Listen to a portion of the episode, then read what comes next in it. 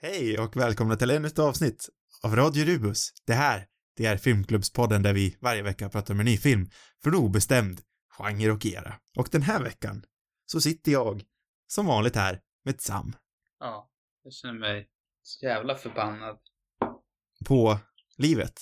Eller? på ljud och sånt där. Ja. Är tusan vad vi har suttit och krånglat med ljudet. Det är inte min konstform riktigt, ljud. Inte min heller, men ändå sitter vi här och lägger ut ljudcontent på nätet. Ja, jag vet inte hur du tänkte där. Nej, inte jag heller. Men eh, sak samma. Den här veckan så ska vi prata om John Carpenters The Thing från 1982 och det här var mitt val av film. Då passar det sig utmärkt att du berättar vad den handlar om. Precis, men det gör vi efter. Ja, just det. Efter, Efter. jag säger att vi ska prata om den i spoiler fantastisk detalj, precis som vanligt. Så följ med oss in i vårt utforskande av filmhistoriens kanon. Tänkte att be dig om en sak. Kan Snälla, du, be mig. Kan inte du förklara vad filmen handlar om? Det vore Absolut. så underbart. Kan jag göra det? Det här, Mm. det är som sagt John Carpenter, Carpenter, ett väldigt svårt namn att säga. Betyder det snickare? Det är, Kallar ja, sig snickaren i kretsarna? I de inre Hollywood-kretsarna så kallar de honom för snickaren. ja, man kan ju bara hoppas. Men det här är i alla fall eh, Carpenters, hyfsat uttal, eh, klaustrofobiska klassiker som utspelar sig, eh, vart är det? Någonstans kallt. Antarktika. An ja, jag kan inte uttala det heller. Antarktis. Antarktisk. Tarkisk. Ja, Där utspelar den sig med ett gäng eh, lönfeta gubbar som eh, jag tror är på en militärbas. Eller en forskningsbas eller något liknande. Jävligt mycket gubbar är det. Jävligt mycket gubbar, men det kommer vi komma in på. Men de blir i alla fall invaderade av en hund som inte precis är en hund utan det är snarare en alien. Mm. Och sen, som sagt i den här klaustrofobiska miljön, så blir det vän mot vän. Vem är en alien? Vem är inte en alien? Vem vet? Inte Kurt Russell i alla fall. Vet inte han eller är han ingen alien? Eller hur menar du? Nej, jag tänker att han vet inte vem det är som är alienen. Mm. Alienen. Alienen. Om jag får säga det själv så var ju det där en utmärkt summering av vad filmen handlar om. Strålande. Superbra. Så jag har sett den här filmen innan, du har inte sett den här filmen innan. Mm. Och jag skulle vilja veta, vad visste du innan och vad hade du förväntat dig innan du såg den? För för mig så börjar den här filmen i alla fall inte på det sättet jag eh, trodde. Ja, nej, inte... Det kan jag också hålla med om. Jag hade inte... Visste inte speciellt mycket alls om den här filmen om jag ska vara ärlig. Det enda jag kände till var att jag skulle få se Kurt Russell med en eldkastare. Och eh, inget mer än så. Men det är ju definitivt mer än tillräckligt för att känna sig otroligt lockad, måste jag säga. Vad, vad mer behöver man? Det finns väl inget mer lockande än Kurt Russell och en eldkastare? Särskilt sexiga 80-tals Russell. Mm, precis. Med det där skägget också. Ja, nej, men jag visste faktiskt inte speciellt mycket. Jag har aldrig sett en Carpenter-film. Carpenter? Fast Jag, varför är det jag sa ju det, det är fruktansvärt svårt att uttala. har aldrig sett- Carpenter. Jag har aldrig sett en snickarrulle tidigare faktiskt. Vad jag vet. Skräckgenren överhuvudtaget är jag ganska dålig på. Och han, han hör väl dit va? Till skräckmästarna. Kanske skräckmästarnas skräckmästare, eller? Eh, Vad säger man? Nej, kanske man inte säger. skräckmästarnas skräckmästare, men han hör väl ändå in där lite i... Jag skulle... Vem är skräckmästarnas skräckmästare egentligen? Eh, jag vill rent spontant säga Wes Craven, men samtidigt, det finns ju en hel del spännande liksom subgenrer i, jag är ju inte heller en skräckexpert, men det finns ju en hel del spännande liksom subgenrer, genrer inom skräcken. Jag tänker, Carpenter hör väl en, in, han började inom slasher-genren, där Mm. vi ser Halloween till exempel, eh, fredag den 13, eh, ja, eh, Texas Chainsaw Massacre. Eh, sen så har vi ju body horror-skräcken och det här, där hör väl The Thing in delvis, men där har vi också Cronenberg och så vidare. Jag hängde inte med. Vänta, har Carpenter gjort alla de där filmerna? Nej, nej, nej, nej. Nej, jag tänkte... Du, Men han började med Halloween, det var väl hans första film tror jag. Du bara Alltså- rada upp filmer sen, så tänkte vänta nu, det här... Ja, ja. Nej, men vi, nej, för nej, att inget förklara, han började inom slasher-genren kan man väl säga, inom slasher-subgenren. Eh, Men och den sen här räknade filmen, du upp några slasherfilmer. Det var Det var där jag inte hängde med. Precis. Och sen så tog jag en dramatisk vändning in i den andra subgenren där jag tycker att vi kan räkna in den här och det är väl body horror subgenren som jag tänker är lite mer eh, schlockig så att säga. Eh, och där har vi ju Cronenberg, jo, Cronenberg jobbar ju mycket där. Vi har Carpenter nu med The Thing. Mm. Eh, alltså ja, vi har ju massa skräcksubgenrer. Vi har ju också den här klaustrofobi, klaustrofobi skräcken och där kan man ju räkna in Alien och The Thing också. Mm. Eh, Så jag vet inte om man riktigt kan säga.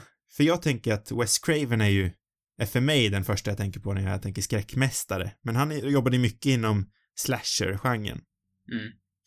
Och Cronenberg är väl kanske body horror-mästaren.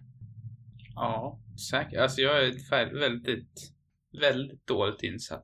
För jag i- tänker i Carpen.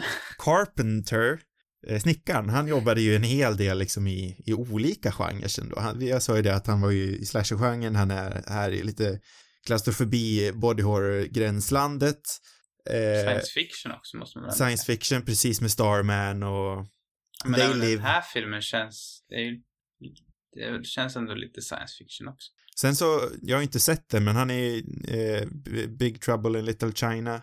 Vad är det för Eh, film då?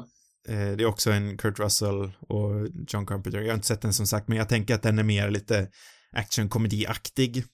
Så Mm. eh, Carpenter, nu pratar jag lite om honom som att han inte lever nu mer, det gör han ju, men han jobbar väl inte aktivt som en regissör. Eh, han, är, han är ju sådär spännande regissör som ändå har gjort lite av det mesta. Mm. Och eh, Ja. jag tycker väl det är det som är mest spännande med honom, för han, han känns så eh, otroligt stilsäker i, i de flesta genres, genrerna. Ja, det, kan jag inte uttala mig om, men eh, det var roligt att ta del av den första filmen.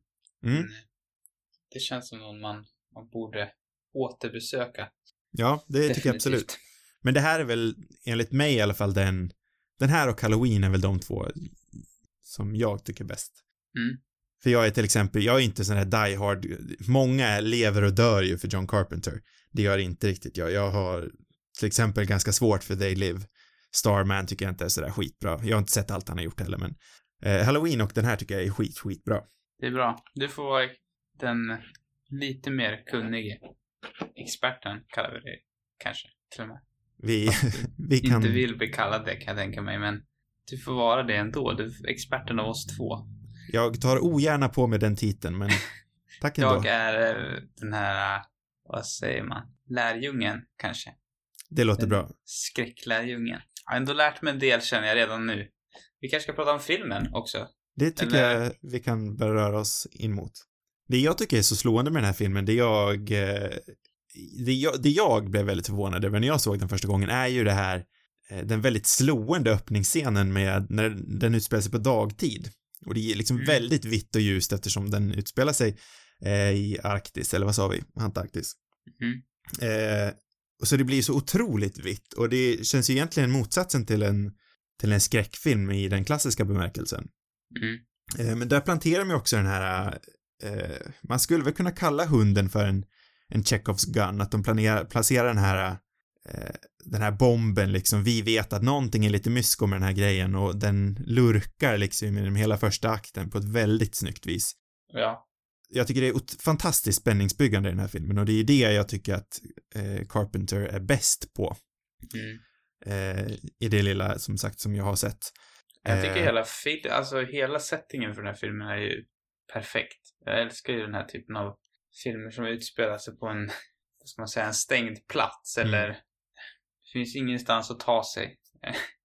Och också estetiken är ju liksom väldigt, men den är ju speciell också för en, för en skräckfilm på något vis. Det här Arktis, jag vet inte, jag blir, tycker bara att det är en häftig, eh, häftig setting liksom som sticker ut lite grann. Även om det påminner det, är någonting, det känns ju ändå lite som att de är i rymden nästan, nej på något sätt.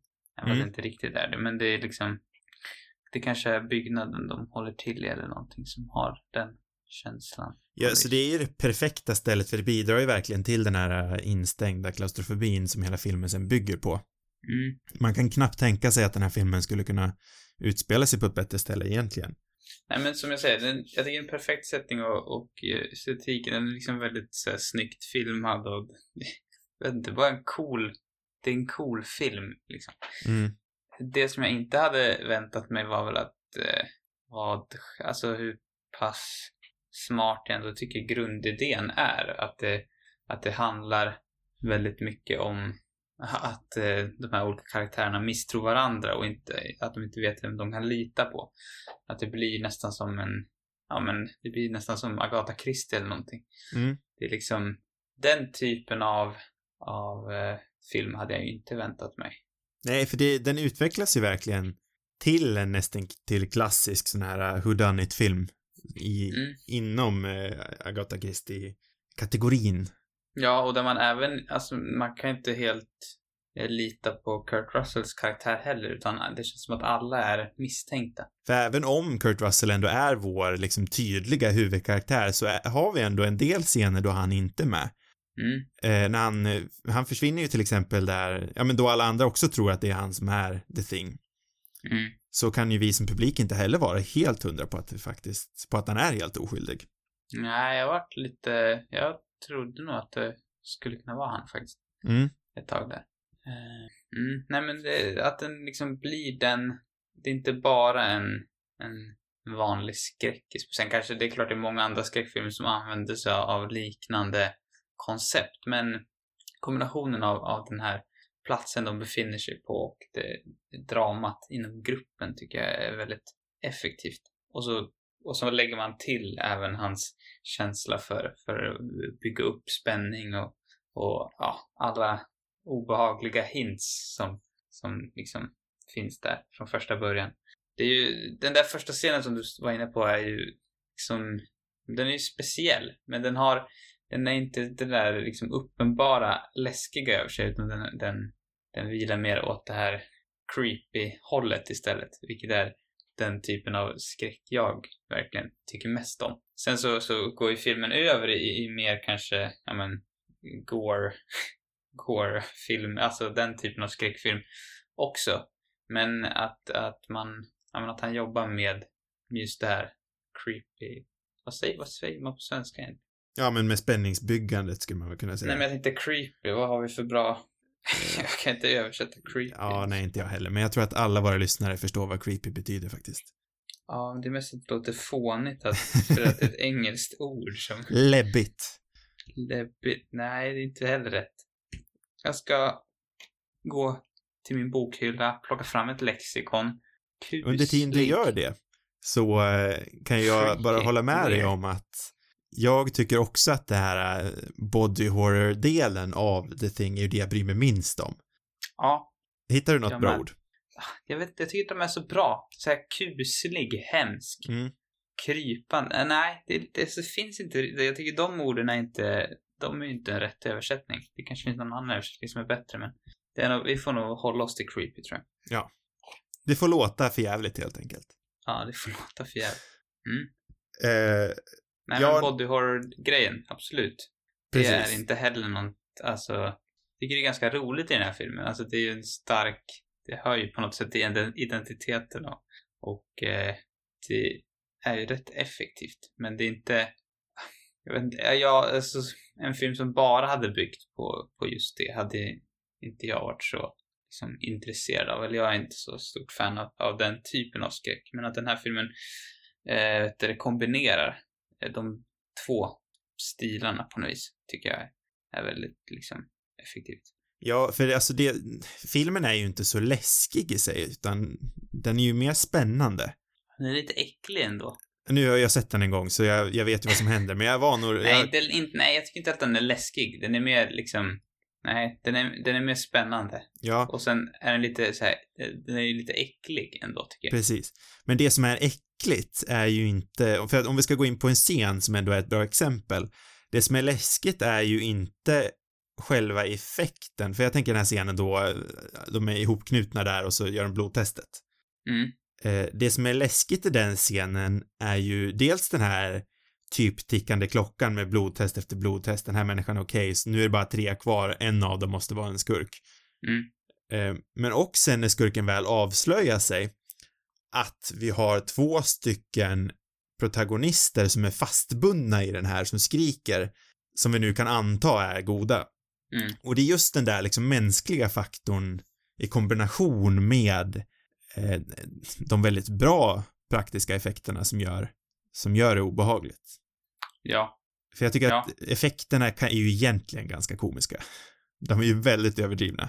Ja, men jag, jag vet inte, jag, jag tycker de är rätt äckliga ändå. Jag tycker de ändå lyckats, alltså även om det är så här uppenbart att det är effekter, att det är liksom dockor och, och, och eh, vad heter det, animatronics och så vidare, så är de ändå så pass liksom Själva konceptet tror jag med det äckliga tycker jag är, är så pass eh, upprörande eller vad man ska säga. Så att jag äcklas av det. Mm. Plus att det är, ja men det är ju liksom kladdigare än kladdigast. Alltså det är bland det kladdigaste jag ändå har sett. Det är väldigt så här klibbigt och ganska fyndig design måste man ändå säga. På de här snuskiga varelserna. Och också liksom de här, ja, jag vet det är speciellt, alltså det sticker ändå ut tycker jag i, i jag inte jag sett så mycket i, i, den här genren, men jag vet inte. Men just de här liksom konstiga var, alltså de här hundarna, jag, ty- det tycker jag var rätt vidrigt ändå. Även Mm. fast det är väldigt uppenbart att det bara är en, en docka, så blir jag äcklad av det. Men det är ju någonting med hundar ändå, det är ju det som gör det så jäkla bra att de börjar med den här hunden. Ja, för först tänker man, de är, eller alltså, De här jävla norrmännen alltså. Ja, alltså man förstår väl att det är något skumt på gång, men alltså jag, min första tanke är ju att det är de i helikoptern som är, är bad guys. Liksom. Mm. Nej men för Och det är jag, synd om hunden. om jag minns rätt så tänkte jag bara att det var typ någon tjuvjägare första gången jag såg den. Ja. Eller misstänkte du hunden från första början eller? Det blir tydligare och tydligare, det fattar jag ju. Men nej, nej, först- jag misstänkte inte, eller alltså, när miss, alltså man miss, efter när norrmännen har kraschat så misstänker man ju hunden såklart. Mm. Så då säger de det nästan eller det är någon, när liksom när norrmannen är så desperat att få skjuta den där hunden så fattar man att det är något skumt på gång. Men Mm. fram tills dess så, så var det ingenting jag liksom misstänkte. Nu har jag inte sett den filmen, men jag tycker det är ett rätt så spännande koncept och vad jag förstått så ska den inte vara något bra.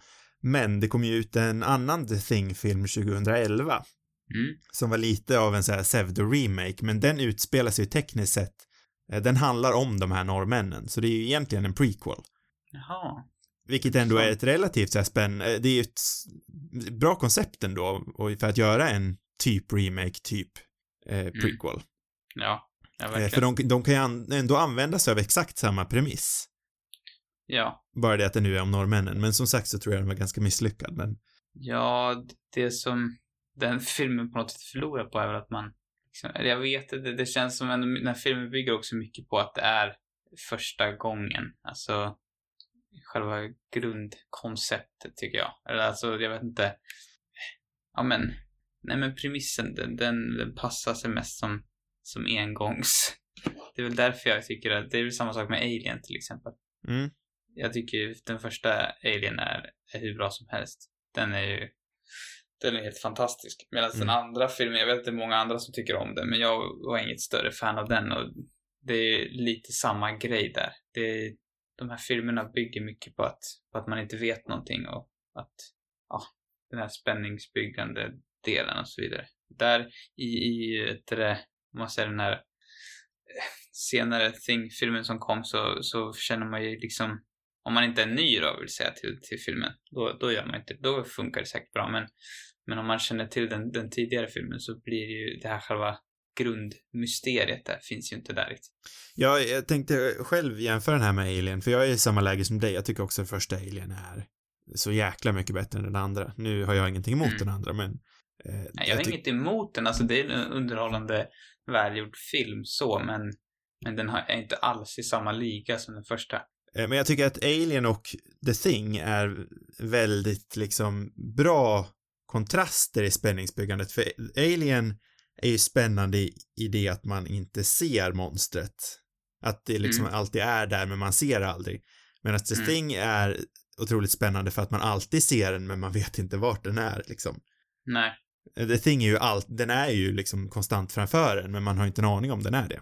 nej, nej men precis. Så det är ju två olika spänningsbygganden som på båda två på mästerlig nivå. Ja, och det bygger på typ samma koncept i slutändan ändå, liksom. Verkligen båda är ju, även om jag tycker att Alien är snäppet bättre, måste jag säga. Jag vet inte vad det är som gör, som gör det, men det är, ja, nej. Den känns mer... Jag har ingen liksom... Det var ett tag sedan jag såg den nu så jag har ingen liksom direkt så här förklaring till varför. Men, men den var, kände jag verkligen en så här wow-känsla när jag såg första gången. Som man inte så jättemånga, eller så jätteofta känner. Så den hade någonting mer speciellt liksom.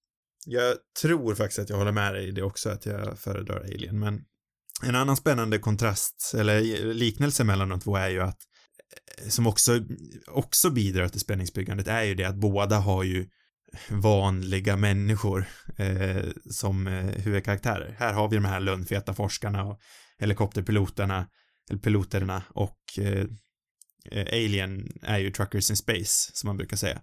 Mm. Eh, lastbilschaufförer i rymden. Mm. Men det är ju så spännande då att se de här ovetande, man hade ju inte brytt sig lika mycket om det här var militärmänniskor. Nej. Och det är ju lite det man tappar aliens på att där har man ju bara de här eh, skjut först militärerna. Ja. Ja men, ja, men precis. Och sen att det är flera aliens och, och själva...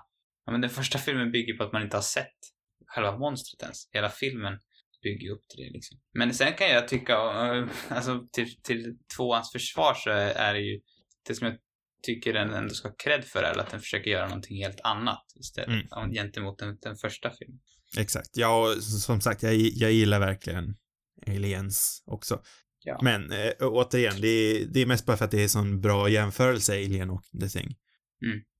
Äh, men ska vi prata lite om de här äh, lönnfeta gubbarna och den otroligt sexiga Kurt Russell?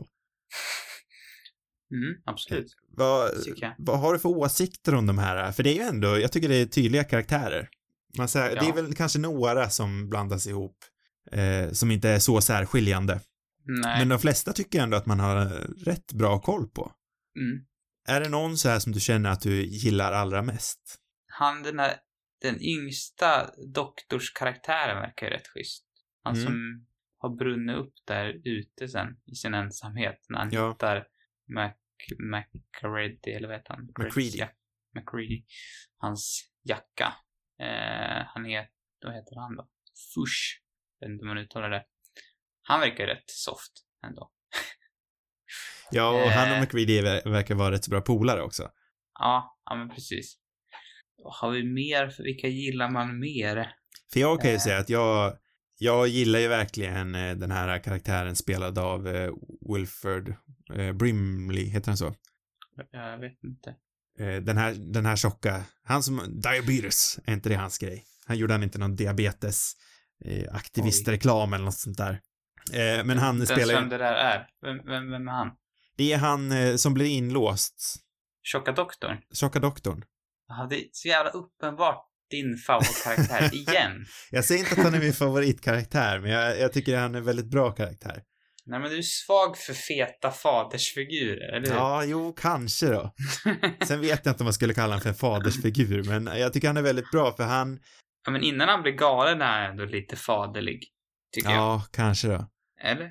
Han, han är väl den vänliga av de två doktorerna. Han men han är, han är också de den som automatiskt liksom över, han inser vad som händer så överger han bara allihopa. Ja, men det är lite som farsan i, The, nej jag säger inte The Square, men i, i Turist. Så här, när det väl går åt helvete, då flyr han. Ja. Jag tänker liksom att han gömmer sig undan där så han kan eh, få Nobelpriset som de säger sen. För den här upptäckten. Mm. Mm. Eh, sen så är jag också, eh, gillar jag också den här hund, hundmänniskan. Ja, ja men han känner man lite för. Som som han är obehaglig. Och han mm. är ju inte ens, han är inte ens blivit besatt heller, eller vad man ska säga. Nej. Men det är också en sån här grej som jag tycker är nödvändig i en sån här eh, klaustrofobisk, lita inte på någon film. Det krävs liksom ett oskyldigt offer. Mm. Ja, men verkligen. Och det är det som är så jäkla bra med Kurt Russell också, att man köper ju han, han är verkligen one of a kind egentligen, för han, man köper liksom den här badassen samtidigt som man kan vara den här smarta, nu är han inte en professor i den här filmen, men man köper han ändå som en professor Mm. Samt den här supersnälla grabben som alla vill vara polare med. Han har lite av alla de här kvaliteterna. Han är en mm. perfekt eh, leading man, tycker jag. Tycker också att, att han är liksom trovärdig i, i den obehaglige på något sätt. Alltså, mm.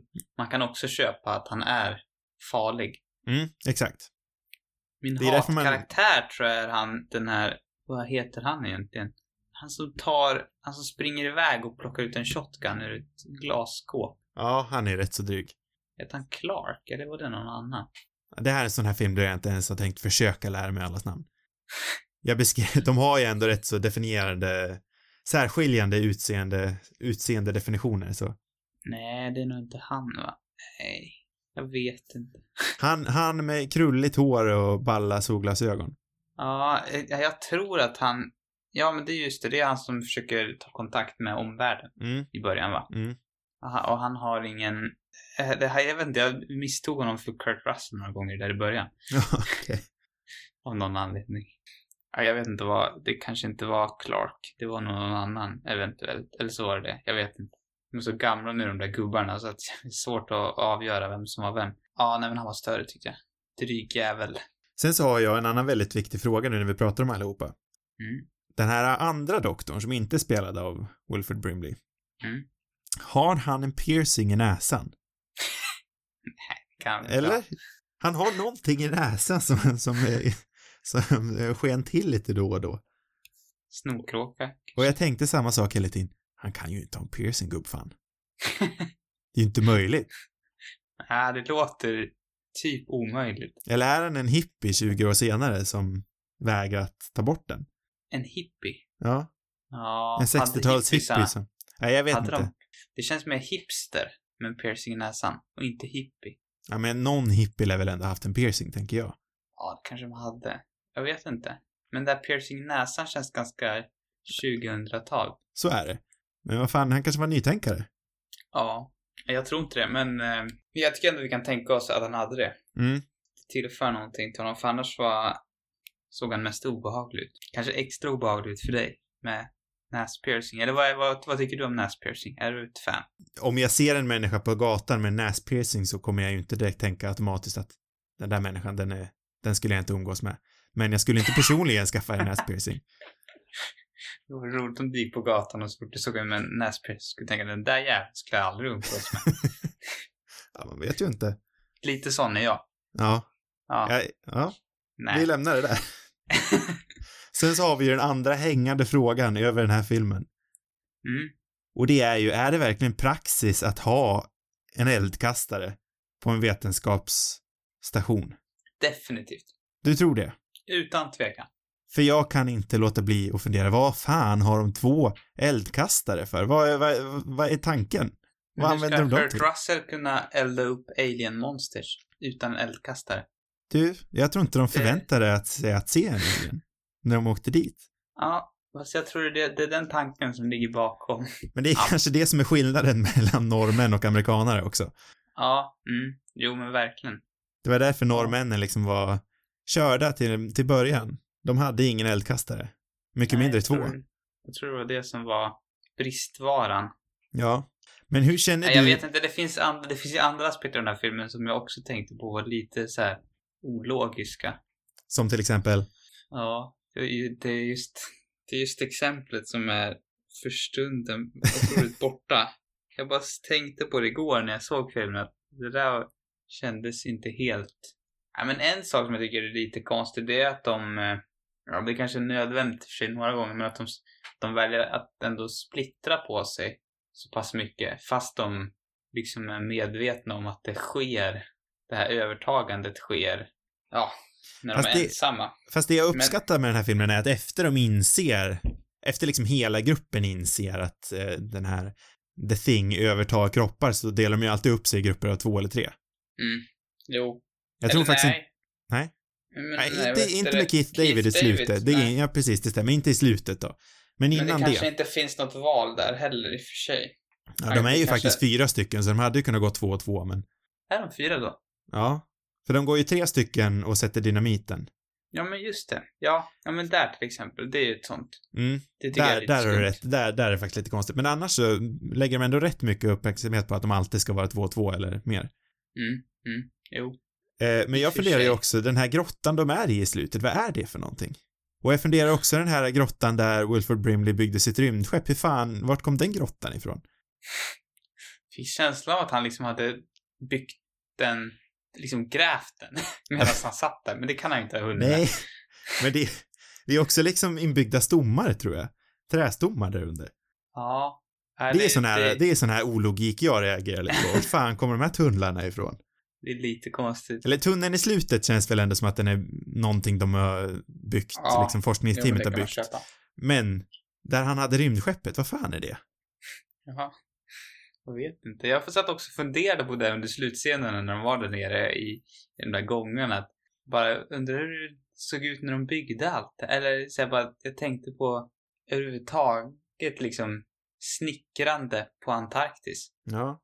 Nej men jag vet inte, det var spännande bara att se när de sätter upp en sån här station liksom.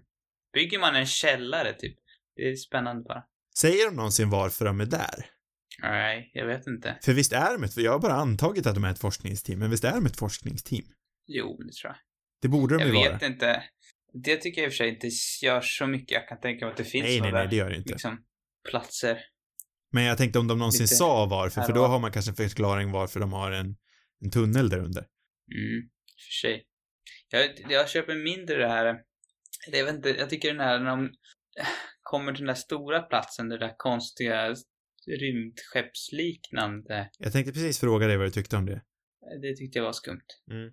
För det första är det väldigt uppenbart att det är en sån här matt. Det heter matte painting också.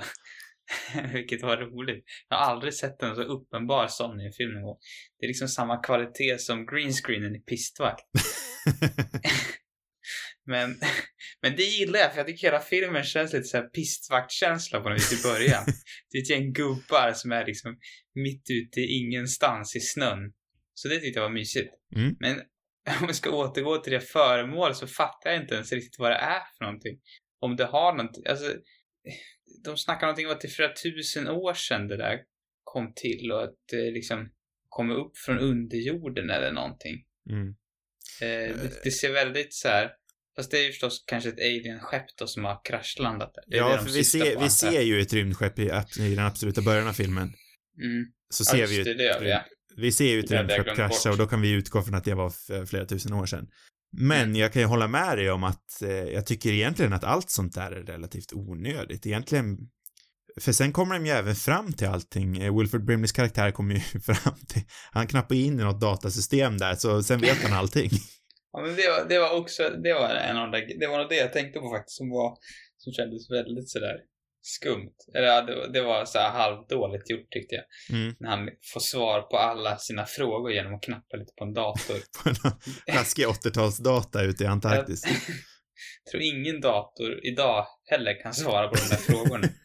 Det, är- det är väldigt så här skumma antaganden och det är väldigt också, ja men det, är- det är en ganska klumpig berättarteknik måste jag väl säga. Mm. Alltså det känns, det är väldigt så här, det är nästan, de hade lika kunnat använda en voiceover som berättade vad, vad karaktärerna tyckte och kände och ja, jag vet inte. Det, det var lite för mycket in your face också. Ut- Inte bara att, att tekniken inte kändes trovärdig utan även att, att det var ett väldigt så här uppenbart sätt att, att ja, berätta historien på. Och vi behöver ju inte ens veta det egentligen, för sen i den här blodtestscenen så, där utgår ju eh, Kurt Russell från ett antagande han kommer på själv.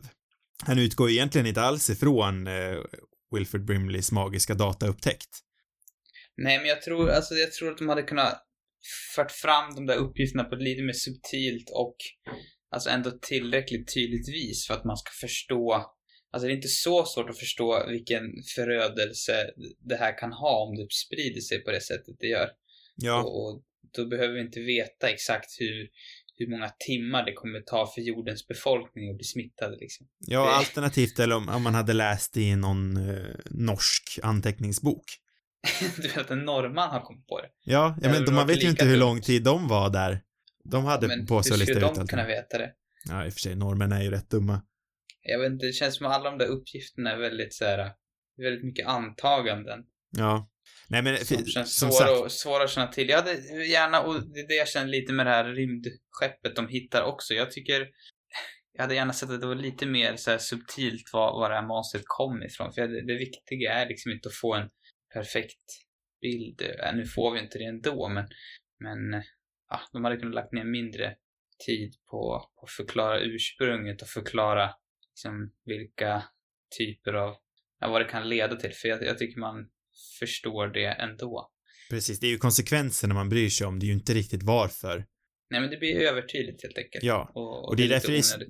Det är därför det är så töntigt också med det här rymdskeppet där i början, att var, varför avslöja att det är ett rymdskepp? När det är så mycket Mm. mer effektivt om man bara hade börjat med hunden liksom. Och inte veta Ja. någonting och sen hade det successivt avslöjats när de kommer till norskarna och Kanske var en studiegrej. Säkert, det, det skriker ju lite om, en, om att det är ett studiebeslut, studiobeslut. Det som dock inte går ihop är att det tydligen är den här filmen en av få filmer som inte börjar med Universal-logon just av anledningen att det fanns risk att de skulle blanda ihop det med att, filmen öppnar med just den här det där jordgloben. Aha, ja. Så, och det går ju inte, det känns som att studion ändå borde vilja ha sin logo i början. Ja, men det, är- det är ju en sån här grej man har börjat leka lite med. Jag tänker att det är sen Indiana Jones, men det skedde säkert innan. Att man eh, övergår från loggan till någonting i bild, liksom. Ja, Jag tänker Indiana Jones öppnar ju med, ett- med en bergtopps som sen, de börjar med Paramount-loggan eh, som sen övergår till en bergtopp i filmen. ja, det är ju coolt. Eh, Det men det kanske de inte gjorde här vid den här tiden. Nej, Eller när kom Nej, Indiana Jones ut? Det måste ju varit 80... Ja, det det hör inte till kanske saken. men- lite senare. Gissar jag, eller? Nej, det kanske det inte alls gjorde.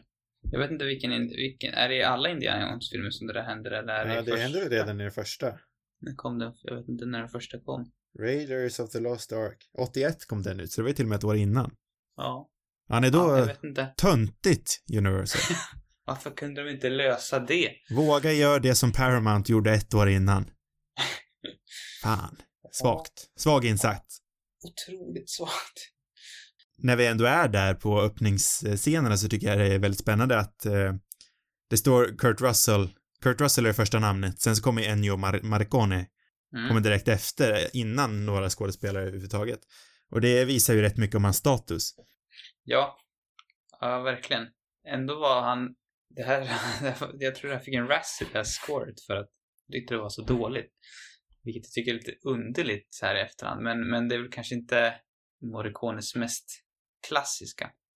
Nej, men jag tycker Direkt. ändå han använder sig lite av, jag tycker han använder sig av strängar. Eh, ja, tror... det är verkligen det är verkligen det här klassiska skräcksträngarna till nästa nivå. Det är liksom Ja. verkligen på gränsen till att bara brista. Men jag tycker även Men- det bidrar till det här, de känns iskalla på något vis, de där strängarna. De bidrar till den här kylan. För den här filmen känns ju Mm. verkligen iskall.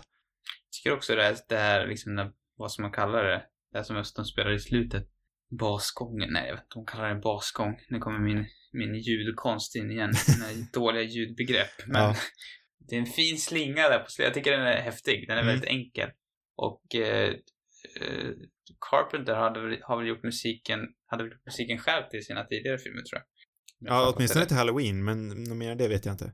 Jag tror han gjorde, hade gjort det andra också. Och han gillar väl det där ganska liksom enkla minimalistiska stilen. Så jag kan tänka mig att Morricone, Ja, Jag hade nog inte något gillat den. något mer uppenbart om man säger så. Jag gillar ändå att det är rätt relativt. jag tyckte det var väldigt häftigt, Mm. den, den, den musiken i slutet av filmen. Jag med. Det, ty, tydligen så han återanvände också Morricone delar som han, eller han, han använde delar som han inte använde i den här tror jag, till eh, Tarantinos Hateful Eight. Mm, precis, det har jag rätt. också hört. Från några raderade scener. Ja, och Hateful Eight vann ju istället en Oscar för bästa Ja, precis. bästa musik och, och den har ju verkligen bra musik. Den har också en liknande setting på något vis. Ja, och därav Och- återanvändningen kanske. Kurt Russell återkommer också i Just det. roll. Det är som en westernversion av The Thing nästan.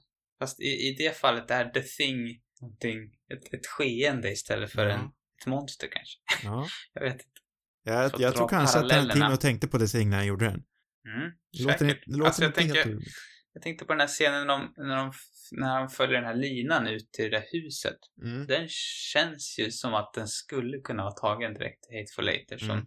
de ska, vad är det de ska göra där? Ska de gå på dasset eller? Jag vet nej det kanske vi inte ska. Ska de inte till stallet? Ja, stallet. Jag bara, de ska gå på dasset, två stycken. med en lina. Ja, nej men, ja, den, den scenen känns som att den kan vara hämtad från den här faktiskt. Låter inte orimligt. Och man kan, ja, och man kan också tänka sig att Tarantino gillar det för det är ju som du sa tidigare väldigt stilsäkert och ja, men, ja, visuellt slående. Det är Mm. just den här även om det är ologiskt att eldkastarna finns där så är det ju otroligt snyggt det här Det är skitsnyggt. mötet med elden och eh, isen och snön och ja men de har verkligen lyckats med med, med, med känslan och, looken på den här filmen. Men Jag vet, det, det är någonting med fotot från, från 80-tal och 70 jag vet inte, det, är- det är liksom klassiskt filmfoto också på något vis. Ja, men den är lite så här härligt, alltså den, den känns genuint kall och skitig på något vis. Jag Mm. gillar att de inte är så här sexigt kallt klädda, utan de är verkligen liksom, de har tjocka vinterjackor på sig och de har, eh, vad heter det man drar för ansiktet, vad heter det? Såna här grejer man kan ha när man åker skidor. De drar i alla fall för ansiktet för att skydda sig från kylan. Skidmask kanske? Skidmask säger jag att det heter. det, det är dock roligt de här, han har ju några typ så här kemilabbrillor på sig någonsin, Kurt Russell, när han är ute. De tycker jag är ganska, de som känns som hämtade från kemisalen i skolan typ. Och en för jävligt ball hatt. Ja, just det. Just det, den är bra. Ja, nej men det, det, det är stilmässigt väldigt starkt. Eller alltså, ja, självklart på något vis. Och det är också, nå- jag vet inte, jag gillar det här äh, 80-tals, men de här animatronics, mask eh, eller dock. Ja men alla alltså, specialeffekterna är ju, de känns ju väldigt typiskt 80-tal på något vis. I, i känslan och looken och, och allting. Jag är ju dålig på 80-talsfilmer, men, men det man har sett så, så har det samma känsla på något vis. Jag kommer att tänka på den här, vad heter den, dåliga vulkanfilmen. Dantes Peak. Ja, jag vet inte varför jag kommer att tänka på den, men jag har för mig att det var också rätt, liksom gory på något vis. Ja, ja just det, den här farmorn, eller mormorn eller vad det är. Som, nu spoilar jag Dantes Peak här, men hon, Mhm. hon, eh, de sitter ju på en båt och så är vattnet typ, nej det är inte kokande utan det är väl någon syra i vattnet. Aha. Så Det hoppar hon i båten, eller hoppar hon i vattnet för att trycka fram båten så att ungarna hinner hoppa av. Och så syras ju hennes huvud upp. Den bubblar upp. Just det. Det var den rätt filmen kommer jag ihåg var så här oväntat gory för, för en sån historia på något vis.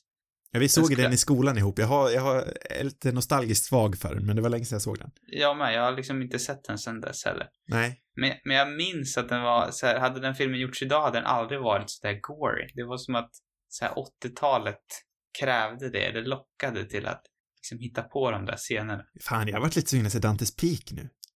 Ja, men det är lite samma känsla också. Det är också så här forskare och, och nej, man gillar ändå det där forskar, forskarfilmer. Ja, eller men, Jurassic Park eller, ja men, forskare och katastrofer. Och, och gärna 80-tals gore, det tycker man om. den blir också väldigt isolerad och så känns den liksom, den är ju inte övernaturlig, men den är over the top.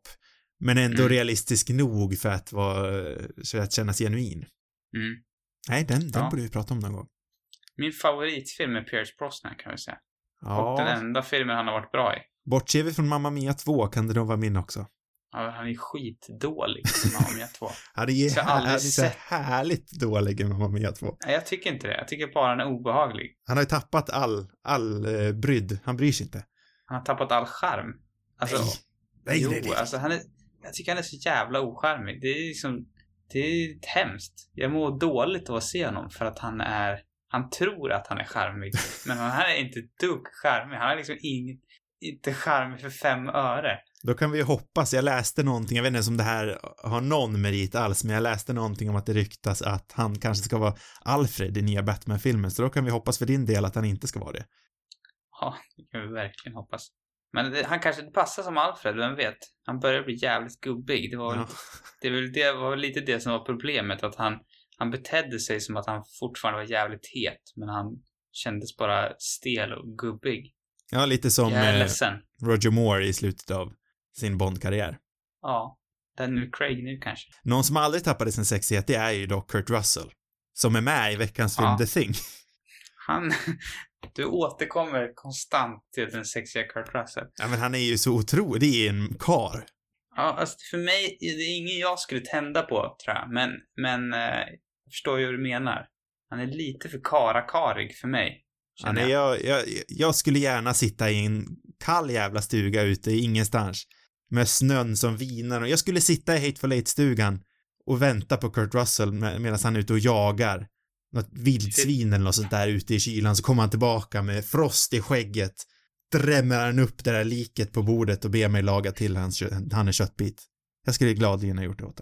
Så, och sen vill du liksom krypa ner i en liksom säng fylld av hårfällar, nej, fårfällar och liksom bara ligga där naken med Nej, Kurtan nej, och nej, slicka hans isiga skägg. nej. Jag skulle bara ligga Nej. där och bli omfamnad. Mjukt och ömsint. Naket. Nej, Lite. vi lämnar det där. Förstår inte. Jag, du spelar, jag försökte bara beskriva en härlig bild. Det, jag, tror det, jag tror det ska vara mysigt. Han känns ju också, han ser, jag har ju alltid tänkt så här, alltså den senare delen av hans karriär har han ändå, eller jag vet inte, må- många av de filmer jag har sett så har han spelat rätt otrevliga, sviniga typer. Och han, han har liksom en look ändå som skulle kunna tyda på, han, på att han är ett svin. Men sen så har jag hört eh, intervjuer där han verkar supertrevlig. Så att han är nog sådär mysig ändå. Som du tänker dig, tror jag. Jag tror att Kurt Russell, jag, jag, jag vill att Kurt Russell och Goldie Hawn ska vara mina föräldrar. Jag tror det är där är. Och nu har din... Men de verkar vara ett sånt power couple ändå. Eller de verkar liksom så här. De har det jävligt mysigt, tänker jag. Ja, Njuter av livet. Precis. Men, men har man sett alla de här talangerna, alltså har man sett typ, eh, vad heter den här? Death Ja, Proof. heter- Ja men Death Proof, eller Hateful Eight, så där är han ju jävligt vidrig i båda de filmerna. Jag har ju inte sett Death Proof, det är den enda Tarantino-filmen jag inte har sett, men eh, i Hateful Eight så är han ju rätt så svinig faktiskt. Han är, han är bra på båda. Mm. Han är, han är bra på att spela riktigt äcklig. Men det är som vi sa, han är bra på att göra allt. Han har liksom alla egenskaper. Mm. Ja. Eh, innan vi rundar av så borde vi ändå snacka om slutet, för det är ju ett rätt så här, det är ju en klassisk sån här, äh, tolka dig själv, vad tror du? Mm. Eh, och eh, jag läste runt nu, precis innan vi började så läste jag några citat från eh, Keith David, eh, Ja. där han pratade lite om eh, det här, Keith? Ja, just det. Keith David, det är han som spelar Childs, ja. precis. Just det. Eh, och han pratade om det här att det, fan, det finns teorier om att, eh, för Keith David har ingen, eh, eh, vad heter det? Inte ånga, vad heter det? När det ryker ur munnen på Mhm. en kall och krisp vinterdag, vad kallar man det för? Säger man ånga? Nej, det gör man inte. Jag vet inte vad man säger faktiskt. Men Det kommer ingen rök ur hans mun, jag tror vi fattar vad du menar. medan det kommer väldigt mycket ur Kurt Russells. Och det tyder många som att han är en The Thing. Mm. Medan han själv hade, hade alltid tänkt att det var, eftersom, eh, eftersom han själv var mycket närmare elden så tänkte han att det var därför han inte hade någon rök i munnen. Spännande. Men hur tolkar du det? Vem tänker du? Tänker du att någon är The Thing, är båda två levande, eller vad, vad tror du? Nej, men jag köper nog att han, att, eh, att båda inte är besatta av The Mm. Thing. Det tror jag. Eh, jag tyckte, jag, jag köper Keith Davids historia om varför han var borta. Den kändes väldigt rimlig. Eh, Men samtidigt lite konstig. Nej. Ja, tanken är ju ändå att man ska ju lämna filmen skeptisk. Mm. Det ska man, men jag håller med, jag är på samma sida. Jag tror också att båda två är människor. Mm, ja, jag tror faktiskt det. Sen så kommer de frysa ihjäl förmodligen. Mm. Även äh, där påminner de med Hateful Eight. Om vi, nu kanske vi spoilar Hateful Eight här.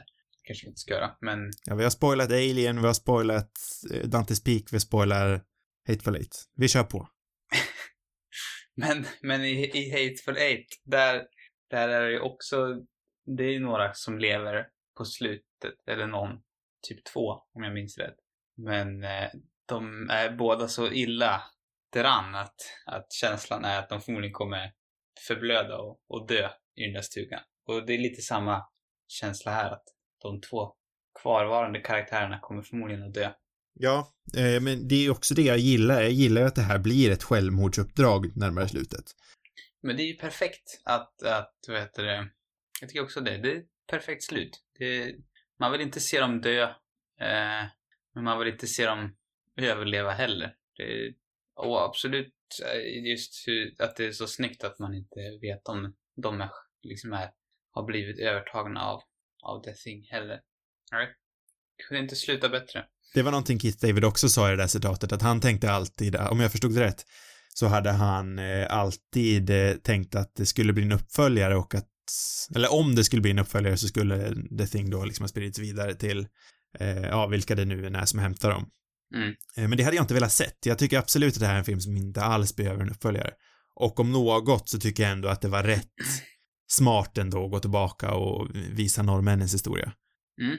Så Jag jag, var jag, lite nyfiken så här, funderar på, har jag, för jag visste inte om det fanns någon, jag tänkte den här kanske är någon som har gjort en uppföljare på, eller som, någon som vill göra en uppföljare. Eh, Carpenter verkar själv inte vara intresserad av saken i alla fall. nej, Och det nej, är positivt. jag tycker verkligen att de bara borde lämna det här i fred, för jag tycker det här slutet, eh, som sagt, är väldigt perfekt för, för det filmen är. Ja, det, det är trevligt och, och liksom när man har ett sån här perfekt slut och inte förstöra det. Jag känner ju att vi har pratat om det bästa just nu. Mm. Men vi har ännu inte uttryckt ordagrant vad exakt vi tycker om den här filmen. Ordagrant. Oj. Man kan väl kanske tolka det från det vi har pratat om, men säg mig nu Sam. Ordagrant, vad tyckte du om den här filmen? Det här är nästan som den, den där äckliga punkten du hade förut när man skulle säga vad man tyckte eller vad, jag kommer inte ihåg vad det var. Avslutande tankar. Ah, uff. Det, jag känner en rysning som går längs ryggraden när du säger det där. Jag förstår det. Ja, jag tyckte den var väldigt bra, men den, eh, den har som sagt några så här lite, ja, men den har några små brister va, som kanske är, är ja, som gör att den tappar lite, eller som gör att den inte hamnar på riktigt samma nivå som Alien till exempel. Och sen tycker jag kanske karaktärerna är inte riktigt lika, hur sexig Kurt Russell än är så, så tycker jag nog karaktärerna i Alien är lite mer intressanta och spännande, om jag inte Mm. minns det helt fel. Men, men definitivt en, en väldigt, liksom, ja men en väldigt häftig film tycker jag. Som verkligen lyckas, ja men fånga rätt atmosfär. Det, eh, och, ja, nej. Det är precis så här ska skräckfilmer vara tycker jag. Eller vad man nu ska. Det känns inte som en uppenbar skräckfilm egentligen, men, men det är väl ändå det antar jag. Ja, men det tror jag väl ändå att, alltså, ja, det är just det som är den bästa sortens skräckfilmer också tycker jag. När det inte känns så här. Ja, förutom vissa då kanske. The Shining är väl i och för sig skräck-skräckfilm, men den... fast ändå inte Ja. riktigt så här. när Nej, jag tänker nej, är skräckfilm så ser jag en helt annan film framför mig. Och jag gillar Ja. inte heller riktigt sådana filmer. Utan jag gillar ju mer de här, ja men egentligen de som är mer thrillers. Mm. Ja, men, nej, men den, är, den är bra med mystiken. Det, Mm. det är ofta det tycker jag som är, som är viktigt. Och mystik och atmosfär och spänning. Det är Mm. det som är liksom grundpelarna för att jag ska få en, en bra upplevelse i alla fall. Mm. Ja, nej, och jag tycker också att det här är en fruktansvärt bra film. Det är liksom klaustrofobiskt spänningsbyggande på topp. Jajamän. Bättre än så här och Alien kan det nästan inte bli. Nope. Men då, Eller, eh, ja, eller ja, ja, kanske. Det vill jag inte skriva under på helt. det var därför jag lade till det där nästan innan. Ja, Jag satte inget Ja. definitivt på det. Nej. Då tycker jag att du ska säga vilken film vi ska prata om nästa vecka. Rosemary's Baby. Nej men, vilket spännande val som du kom på just nu. Vi har inte alls suttit i 20 minuter och tänkt på det. Shh. Shh. Tack. Eh, så kolla på Rosemary's Babies till nästa vecka. Inte Babies, Baby. Babies är uppföljaren av James Cameron. Yes. Nice. Flera avsnitt hittar ni på cinemarubus.com, Apple Podcasts, som man numera ska säga, Spotify Mm. och andra poddappar. Har ni frågor och vill ha svar, eller kanske ett förslag, skicka in det till cinemarubus.gmail.com. Sen har vi sociala medier också. Där heter vi Cinemarubus på Instagram och Twitter. God Ja. natt nu allihopa och bli inte för rädda här i alla skräckfilmstider. Natti, natti. Inga mardrömmar. Sov sött. Natti, natti, sov, sött.